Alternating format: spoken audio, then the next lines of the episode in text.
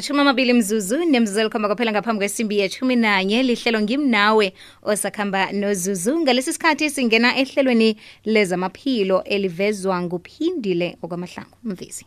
Thokoze mvezi. Namhlanje sike sikhulumisa indaba ye-cpr kanti-ke asikhambi sodwa sikhambisana no-matron omamsi wokwamasilela. Sesimamsi lotshani? Akwande zuzu uvuke njani mntana kwethu? Ngivukile ngeza kuwe? Ngivukile nami. Siyathokoza. Thokozeka namhlanje sike sesimamsi sikhulumisa indaba ye-cpr sibawa usihlathululele kobana yini i-cpr sikhuluma ngani kuhle kuhle?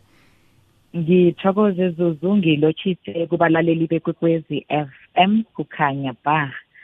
Eh zuzu nasikhuluma nge-CPR CP C it stand for cardio. Cardio vane sikhuluma ngengaphakathi lomuntu internal organs cardio ihliziyo cardio pulmonary P is sisakhuluma ngehliziyo resuscitation sikhuluma ngokusiza umuntu lokha ihliziyo yakhe nayikhamba khamba istophe so ke ngokuhunyeza igameli CPR vane sitsho ukuthi sikhuluma ngento esibiza ukuthi is cardio pulmonary resuscitation. Navane sikhuluma nge-cardio pulmonary resuscitation sikhuluma ngokusava i-life ubuphilo bomuntu. Ama-techniques lawo zuzu asetshenziswa lokha ihliziyo yomuntu nayithoma istopa namkha umntwana awele ngemanzini namkha ku-swimming pool namkha umuntu omdala. Sihelebha futhi lokha ihliziyo nayikhamba khamba ingabi namandla yokuthwala umuntu lokuthi akwazi ukuphefumula and then bese umuntu lo awe. Nasikhuluma nge-cardio pulmonary resuscitation sikhuluma ngokuthi-ke ungakhona ukuthi lokha umuntu nakawileko zuzu ukwazi ukumsiza kusho ukuthi isizo lakhona ngasho ngithi it's multiple ungakhona ukumsiza seke athulile ukhone ukubuyisa ubuphilo bakhe. Ngoba lokha nasithi umuntu uwile ihliziyo istopile akasakhona ukuphefumula ne-brain ayisasebenzi. Immediately umuntu awa ipulse ungasayizwa. Nangikhuluma ngepulse balaleli ngikhuluma ngokubethwa kwehliziyo ovane ukubone kuphakama esifubeni ukubone ngemva kwendlebe ukubone godu nenyaweni ukubone godu nala emphinjeni when you see the heart beating stop and beat. Lokho kuchaza ukuthi umuntu lo ukhona ukuphefumula. Kodwana nakusele kusitopileko zonke lezi zinto zamathwayo engikhuluma ngazo awusaziboni. And immediately zistopa kusho ukuthi lapha ku-brain ehlokweni akusanamoya mlaleli oya lapha ku-brain. So the brain is not functioning anymore. Akusana circulation yomoya ocirculator umzimba wonke kusho ukuthi vele i-life yomuntu loyo ngaleso sikhathi iyastopa. Then-ke lapho-ke si-assista ukuthi kube ne-blood circulation ingazi zomuntu zikwazi ukuhamba. Ukujama kwehliziyo zuzu kujama ingazi azisakhambi kujama umoya ofanele uthumele umoya lapha ku-brain uphushe amanzi uhlanganise ingazi ukuthi zicirculate ngaphakathi komzimba womuntu akwazi ukuphila. Ngiyo-ke balaleli lento esibiza ukuthi i-CPR cardio pulmonary resuscitation hmm. kuzokela kumsebenzi omkhulu sesimamsi aloke kuqakatheke ngani ukuthi kube namajima wokuyelelisa ngayo i-CPR le sikhuluma ngayo kuqakatheke khulu zuzu ngoba la sikhuluma ngobuphilo bomuntu mm -hmm. la sikhuluma ngokuthi sele kungabi namajima la abantu bazokwazi ngani ukuthi kunalento esibiza ukuthi CPR lizokutholakala nini ithuba lokuthi abantu bafundise nge-CPR ukuthi umuntu nakawileko umenzani? Ngoba i-CPR le balaleli akusingeyami kuphela umansi ngoba ngisebenza ngezamaphilo ukuthi ngiyazi. Akusiya kadokotela kuphela akusiya kananoma ngubani osebenza ngamaphilo. Ngeyethu sonke abantu abaphilako ephasini.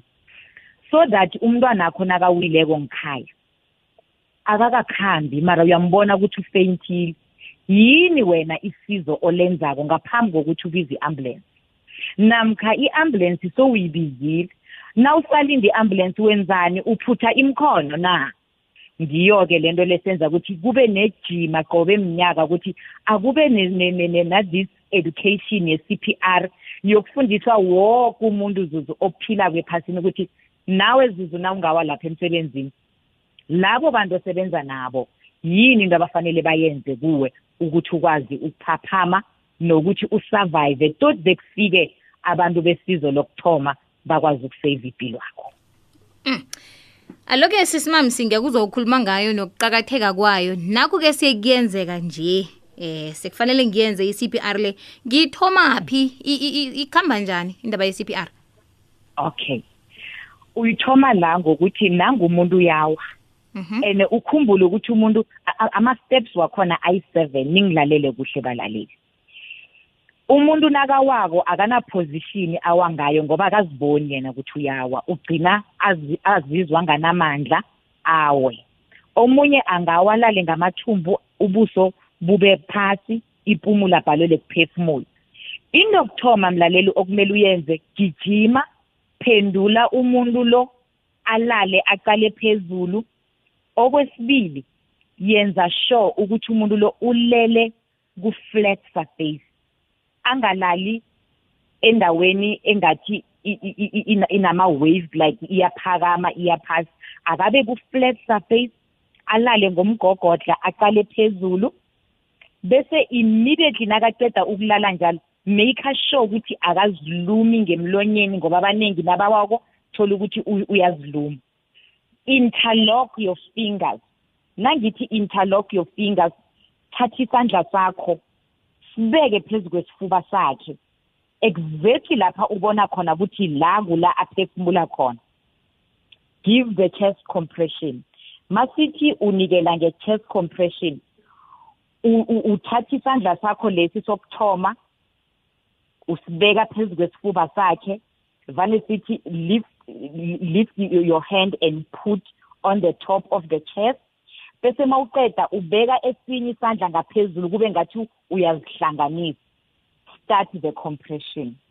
Nasithi start the compression uyathoma manje upressa isifubesi ubale bowufike ku-thirty and wenze within 120 minutes per, per minute beat upresse isandla sakho phezu kwesifuba sakhe. Emva kwalokho vula umlomo wakhe mvuthele umoya ngoba yena akasenawo umoya. Udiphende emoyeni akho you press and pump isifuba sakhe for 30 times. Emva kwalokho you open the airways. Umake sure ukuthi la kungena khona umoya kuhlezi kuhle ngokuthi you lift the chin uthatha ihloko uyisemuva vuthela umoya-ke kabili ngaphakathi kwakhe. Emva kokuthi umvuthele watch the chest ukuthi iyaphakama na? Ukhumbule ukuthi umuntu umlaleli nakangasaphefumuleko isifuba sakhe asisayi phasi naphezulu. Na uqeda ukuvuthela umoya uzokubona isifuba sakhe siphakama. Wabona isifuba sakhe singaphakami yazi ukuthi umoya awukakafiki kuye ukuthi akhona ukuphefumula.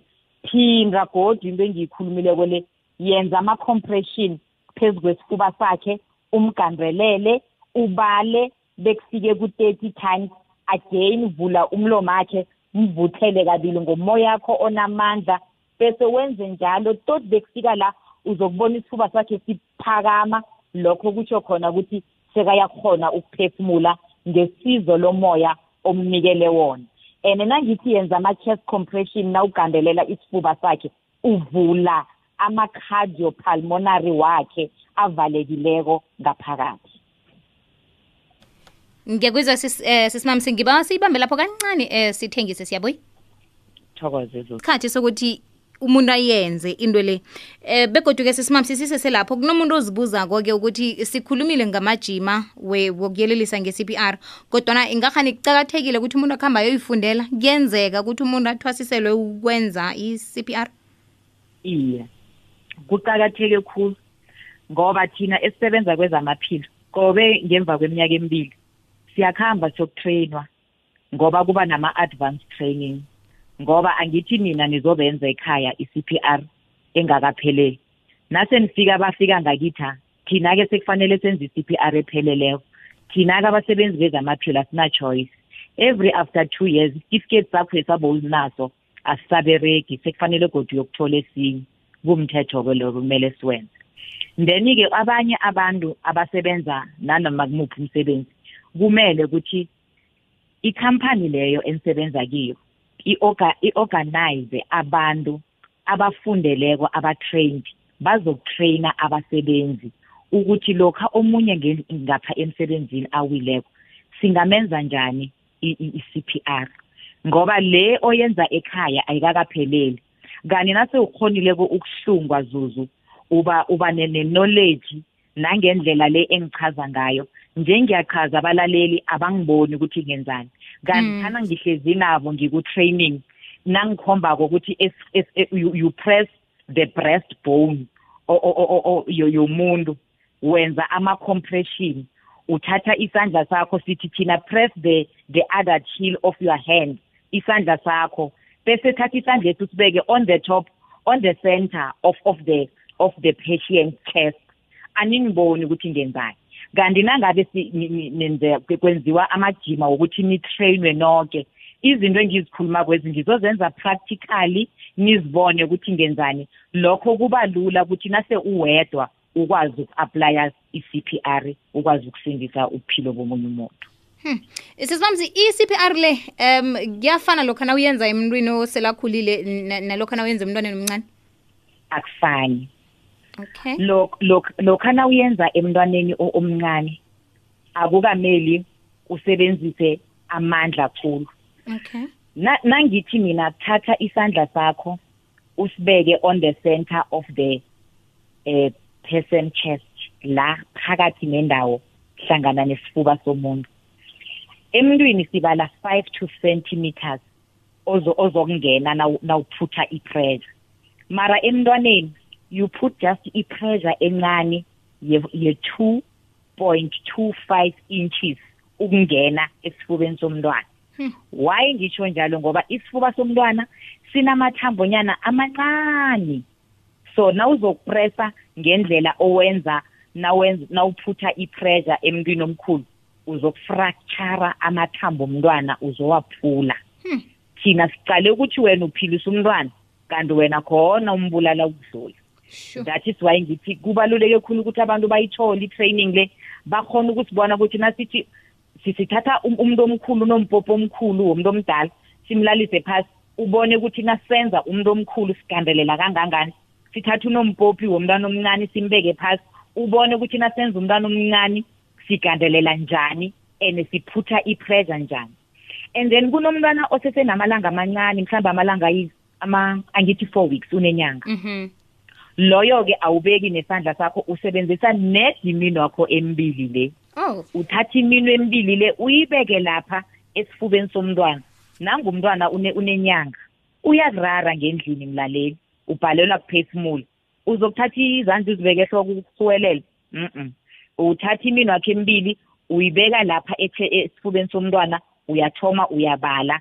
Emntwaneni ongako-ke awusabali i-thirty usolo upressa. Upressa kayi-fifteen you stop umfakela umoya.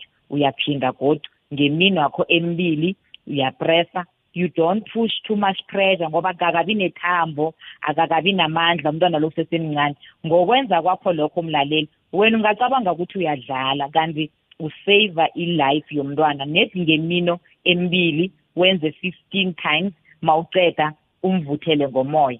Kanti emntwini omkhulu wenza ngezandla zakho zombili 30 times mawuceda uvuthele kabili ngomoya.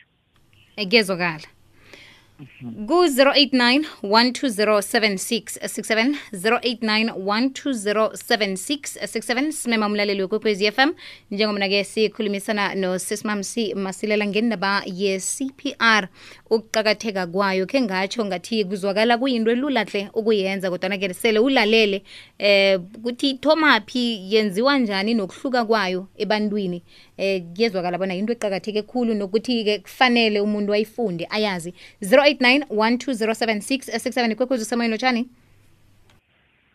yebo. Akwande baba. Yakujabulise davidon akhe ngibuze sisimamzi ngathi ngiyalahleka. Mm. i-cpr ne-impera venacava zihlobana njani lapho? Ngizakulalela em- emhathweni athini? Eh, ngiba ubuyela lo mbuzo baba. i-CPR ne-inferior vena cover. Zihlobana Oh. njani i-CPR ziyaberegisa nori njani? Okay. Okay. Alright baba siyathokoza Oh, eh Ithokoze uzukuhle mlaleli eh ngimzwile i-sternal vena cover. Sis- sisa- sisakhuluma ngesifuba. Sisakhuluma ngecardio. Into eyi-one sternal. Sikhuluma nge- nge- ngehliziyo. Sikhuluma ngethambo elibambe ihliziyo. Yonke leyo i-internal organ eyi-one. It's one thing sisebenzisa into eyi-one lapho senza i-c p r cardiopulmonary sternal cardiopulmonary into eyi-one. Kuyezwakala ngiba wasithengise siyabuya kuthumi nanye ikwekwezi fm kukhanya ba sirakela phambili nehlelo lezamaphilo sesimamsi. Yes zuzo ukhona umlalelo kwekwez fm m usemoyini lotshani Hello Suzu, akwande bam? Njani? sivukileni njani Khona ngiba ukuzwe simamisa ukuthi nakathi from one month abantwana tot how many years? okay. Alright uza kulalela emhatshweni mam? Okay, alright thank you. okay. Umntwana we- we-one month nguye omenza ngemino. Mhm. one month ukuya phasi. Ukuya phasi. One month ukuya emalangeni. Asithi from zero. To one month. Okay. Usebenzisa yeah from zero to one month usebenzisa imino emibili. And then kuthoma lapha-ke kubo two months three months ukuya phezulu kulapha-ke sowuthoma-ke usebenzisa izandla zakho mara-ke umehluko kokuthi-ke mntu uqale ukuthi umntwana lo ungangani. Laba abantwana be-three months up to two years kula u- i-compression yakho wenza ngesandla esi-one sakho esipheleleko. Then abantwana laba ukuthoma ku-five years ukuya phezulu loyo mntwana loyo sekamkhulu usebenzisa ama-compression izandla zakho zombili kodwana awugandeleli mlaleli ngendlela ogandelela emntwini omdala.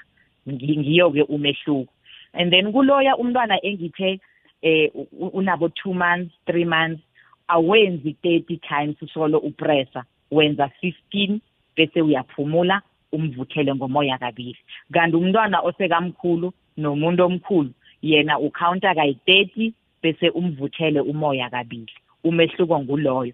Si-avoida lento yokuthi umntwana omncane ungasolo upressa kakhulu i-thirty times is too much for umntwana ungagcina ufracture uphule amathambo wesifuba ngoba awakabi strong njengomuntu omkhulu. And umuntu omkhulu naye nawuzomenza kancane njengomntwana awuyokhona ukufika ehliziyweni yakhe nawusaba ukumgandelela khulu ngoba ukusaba kwakho awukhoni ukuvula ama-airways ukuthi abe open ukwazi ukuthi nase umvuthela uthole ukuthi ama-airways is open then ukhona ukumfakela umoya. Kunjalo sisi ekugandeleleni na sesimamsi nekuvutheleni komoya ngilindele ukubona ini? Kufanele kwenzekeni nangiza ukuthi awake nje ngingamlisa umuntu lo? Okay. Now start wenza ama-compression upre- u- u- u- u- ubala one two three four five six seven. Nge- nge-pressure yakho emntwini omkhulu uguqe ngedolo